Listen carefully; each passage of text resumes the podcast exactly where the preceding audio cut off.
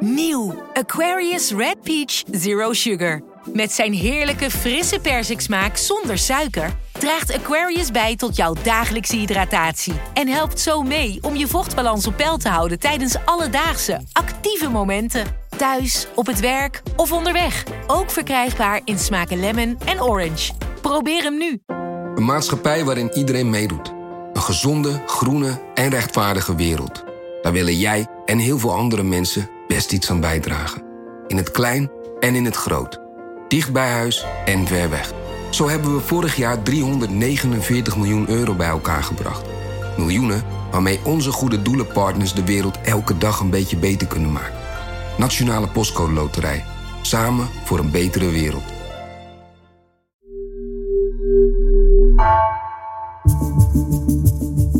Vanaf de redactie van NRC het verhaal van vandaag. Mijn naam is Floor Boon.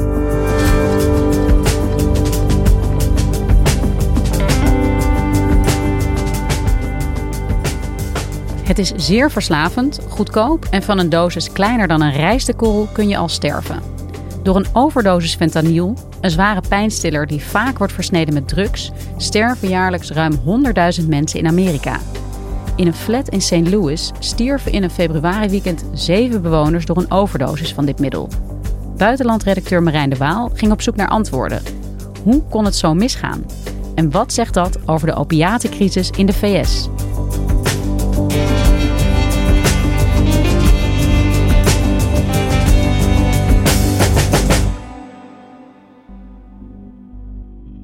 Ik was eerder dit jaar in uh, St. Louis, een uh, stad eigenlijk in het hart van de VS, in Missouri.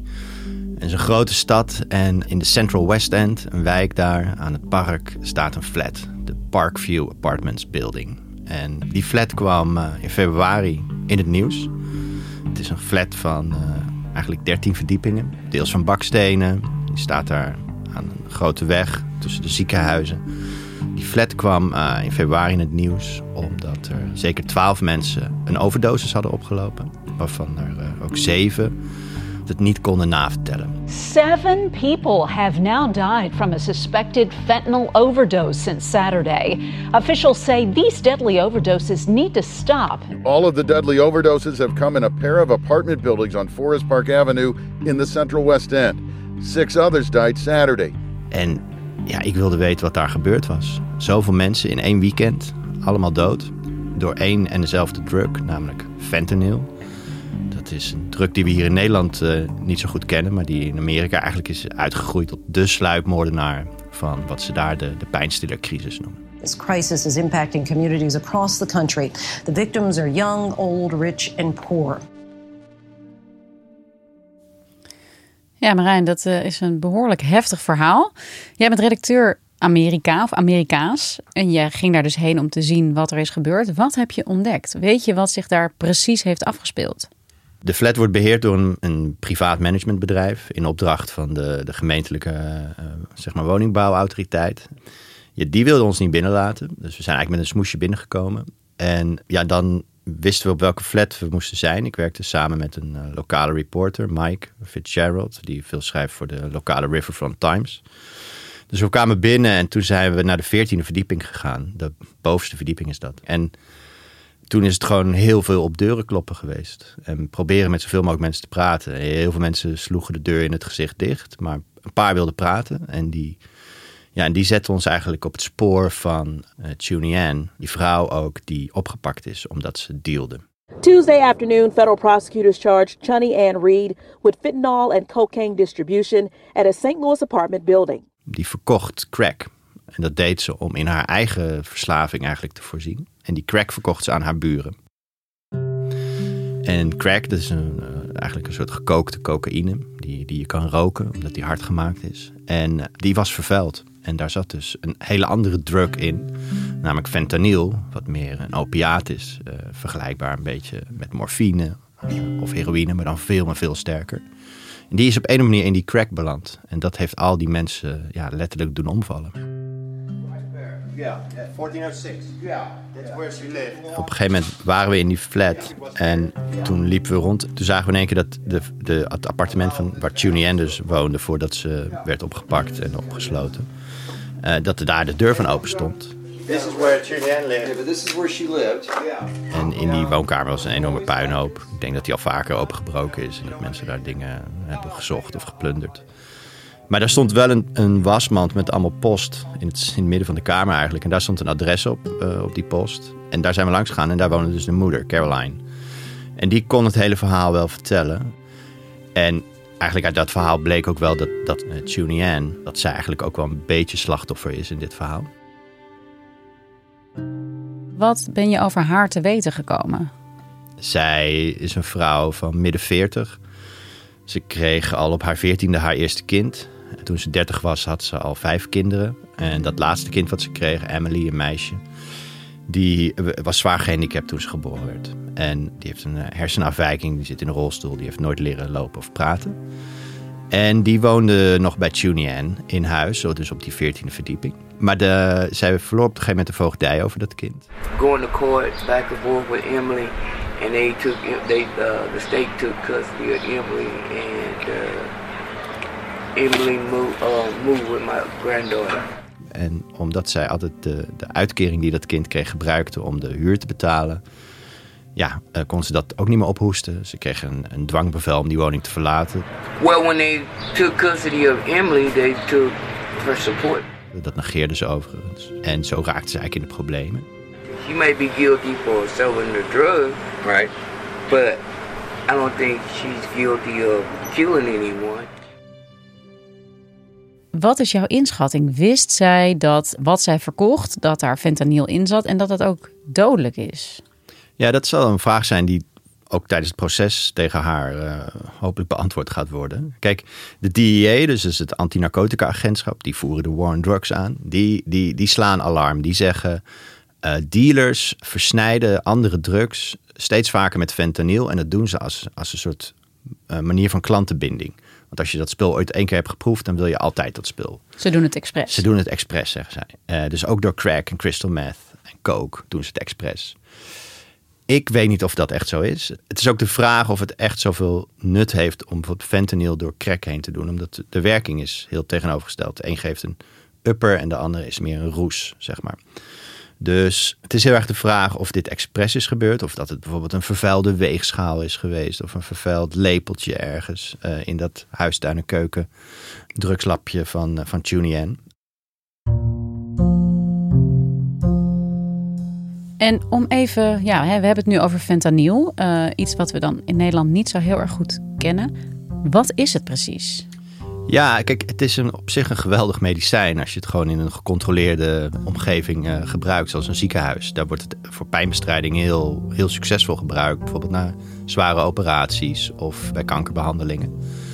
Alleen op de Amerikaanse zwarte markt duikt het nu ook al uh, jaren op. En dat dat heeft eigenlijk zijn oorsprong in het feit dat Amerika heeft een enorme pijnstillercrisis. De is door de farmaceutische industrie decennia lang op een hele agressieve manier zijn eigenlijk Amerikanen uh, die pillen opgedrongen. Dus waar wij, als we in Nederland naar de tandarts gaan en een verstandskies laten trekken, ja, misschien uh, een paar paracetamolletjes meekrijgen, krijg je daar meteen een hele strip Oxycontin mee. Dat is een, uh, een pijnstiller waar oxycodine in zit. En de werking daarvan is, vergelijkbaar met morfine eigenlijk. En dus heel veel mensen zijn op die manier verslaafd geraakt. Ja, en als dan je, recept verloopt, uh, ben je nog steeds verslaafd. Dat heeft heel veel mensen op een gegeven moment uh, ook de zwarte markt opgeduwd. Op een gegeven moment is de Amerikaanse overheid dit wel strenger gaan reguleren. Maar toen waren er al heel veel verslaafden dus. En die werden ook allemaal de zwarte markt opgeduwd. Ja, en daar vind je dan heroïne. En tegenwoordig ook steeds vaker fentanyl ja, dat wordt door dealers ofwel door heroïne versneden, of ze drukken er zelf pillen van. En dan maken ze, ook, maken ze ze zoveel mogelijk na met het officiële logo van, uh, van de echte merken, zeg maar. Maar dat zijn gewoon pillen die bij wijze van spreken in een huistuin- en keukenlaboratorium met een cementmolen gedraaid zijn. Dus dat maakt ook dat die pillen heel onbetrouwbaar zijn. De ene keer kan er 1 milligram in zitten, de andere keer kan er 5 in zitten. En deze stof, als je daarvan 2 milligram binnenkrijgt, kan het al dodelijk zijn. En 2 milligram, even idee te krijgen. Ja, zoiets als een rijstkorreltje. En zeker als je dus geen gewenning hebt opgebouwd voor deze drug, wat dus ook geldt voor de mensen die normaal crack gebruiken, ja, dan, dan kan, je daar heel, kan dat heel hard aankomen. En dan, Ja, wat fentanyl een overdosis eigenlijk doet, is dat het, het in, je, in je hersenen legt het eigenlijk gewoon de, de ademhalingsreflex stil. Dus je krijgt heel snel zuurstoftekort. Dus je, ja, je gaat eigenlijk in een soort uh, diepe, diepe roes. Uh, die waarschijnlijk wel heel prettig voelt voordat je de pijp uitgaat. Maar ja, die, uh, die maakt dat je gewoon zuurstoftekort in je hersenen uiteindelijk dood. Ja. Je vertelt dit verhaal over hoe heel veel Amerikanen dit gewoon voorgeschreven krijgen tijdens voor bijvoorbeeld een operatie. Waarom is dat zo? Waarom is dat zo anders ook dan dat wij bijvoorbeeld allemaal paracetamol gewoon gewone paracetamol krijgen? Ja, kijk, die, die, die opioids, zoals ze ze dan noemen, die zijn jarenlang gewoon gepusht door uh, zeker één bedrijf, Purdue, uh, wat het heel agressief in de markt zette. Ook de doktoren die die dingen voorschreven met allemaal lokkertjes en extraatjes aanzetten om maar zo ruimhartig mogelijk uh, die, die pillen voor te schrijven.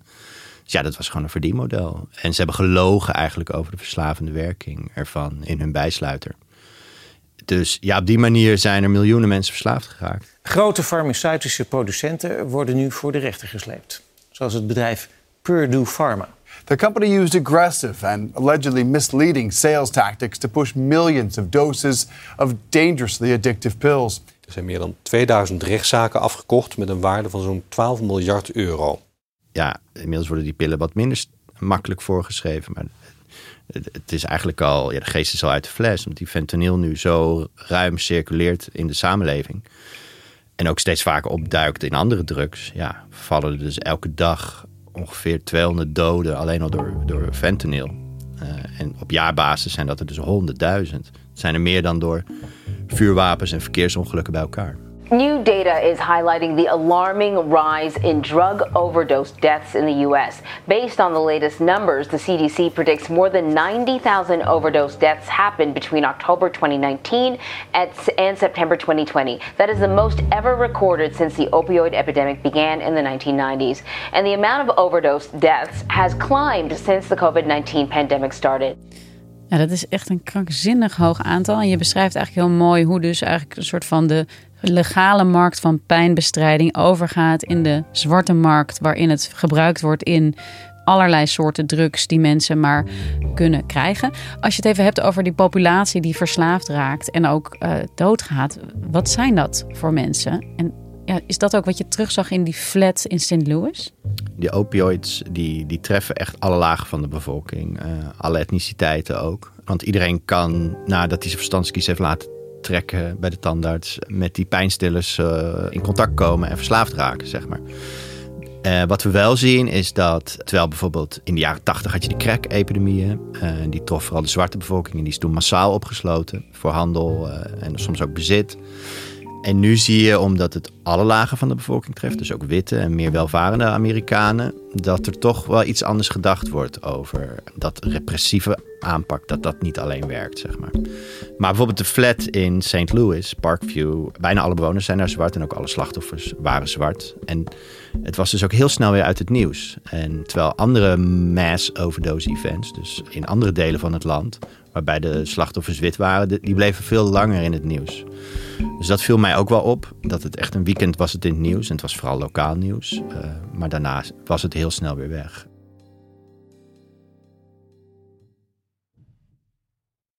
Ja, als je het zo schetst, hè, dan gaat het eigenlijk over een gigantisch probleem uh, dat door de hele samenleving loopt. Dat begint bij ja, iedereen die uh, ergens pijnstilling voor krijgt en vervolgens weerloos is tegen de verslavende werking daarvan.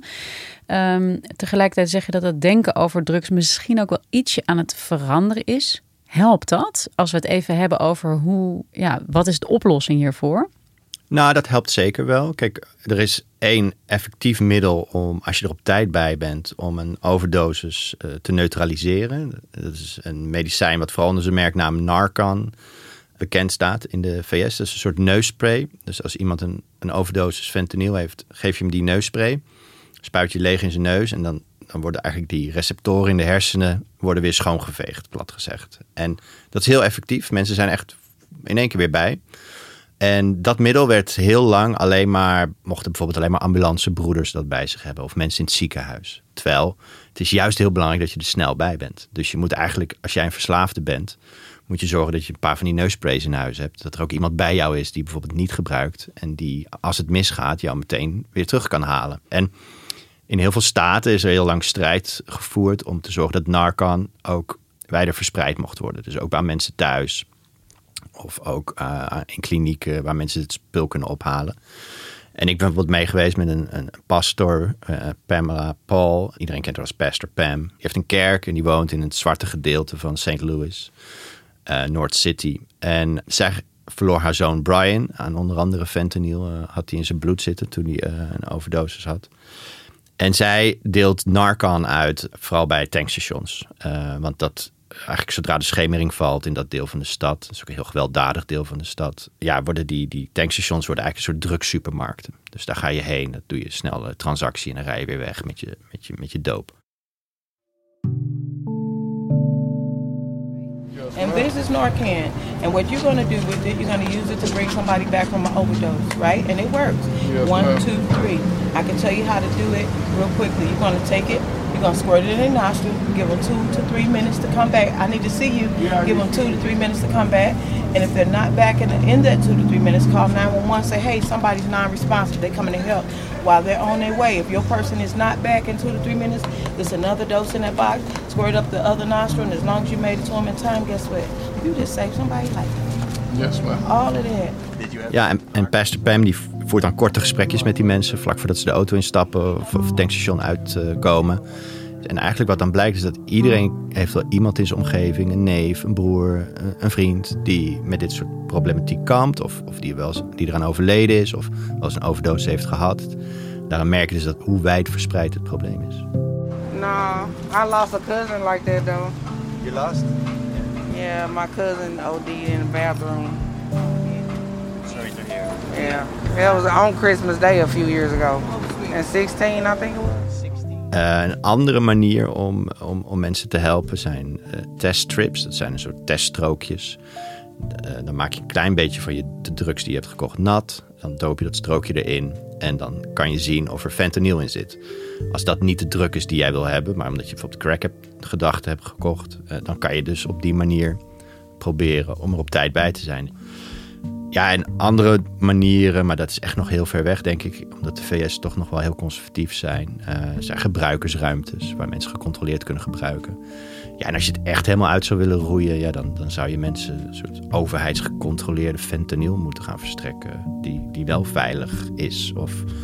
Maar goed, dat is allemaal nog hele verre toekomstmuziek. Dat zie ik echt niet gebeuren. Ja, ik denk namelijk ook aan de heroïne-epidemie in Nederland, jaren 90, hè, die uh, is uiteindelijk behoorlijk effectief bestreden door uh, ja, mensen te laten afkicken en de, en de kleine groep uh, verstokte gebruikers eigenlijk schone methadon te verstrekken in schone ruimtes. Een beetje wat jij ook ja. zegt. Hoe makkelijk of moeilijk is het eigenlijk om van fentanyl af te kicken? Het is echt heel lastig. Het is, het is echt super sterke spul. Bijvoorbeeld, je hebt, vroeger gebruikte je heroïne.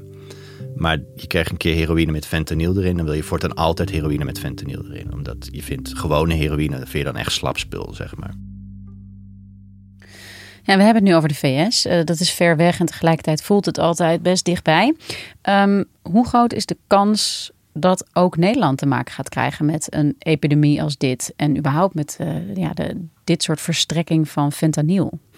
Ja, ik ik acht die kans wat kleiner, gelukkig, in Europa uh, en in Nederland. Omdat wij en onze farmaceutische industrie wel iets beter in de gaten houden. En we hebben nu ook het, het voorbeeld gezien wat er kan gebeuren in de VS als je dit niet goed reguleert. Dus er zijn, er zijn absoluut mensen hier die met pijnstillerverslaving kampen, maar het is niet zo massaal als in de VS. En ook in de, bijvoorbeeld de rapporten van het Europees Waarnemingscentrum voor Drugs. Ja, is fentanyl zijn echt nog maar hele kleine onderscheppingen eigenlijk die we hier zien. Dus volgens nog springen wij de dans en is het echt een, een vooral Amerikaans probleem.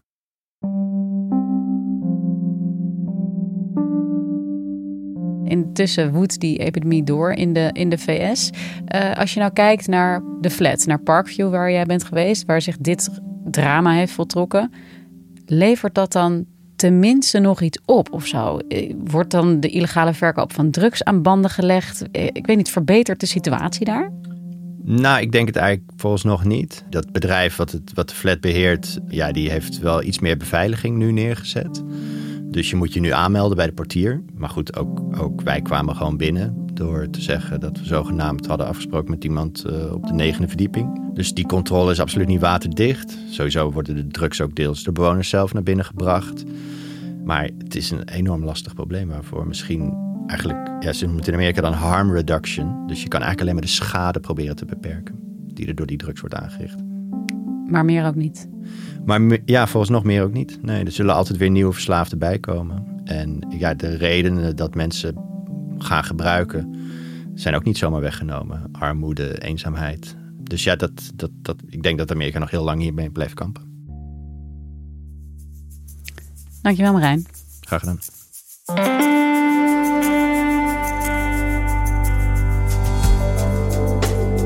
Je luisterde naar vandaag, een podcast van NRC. Eén verhaal, elke dag. Deze aflevering werd gemaakt door Lis Doutsenberg en Jeroen Jaspers. Dit was vandaag. Morgen weer.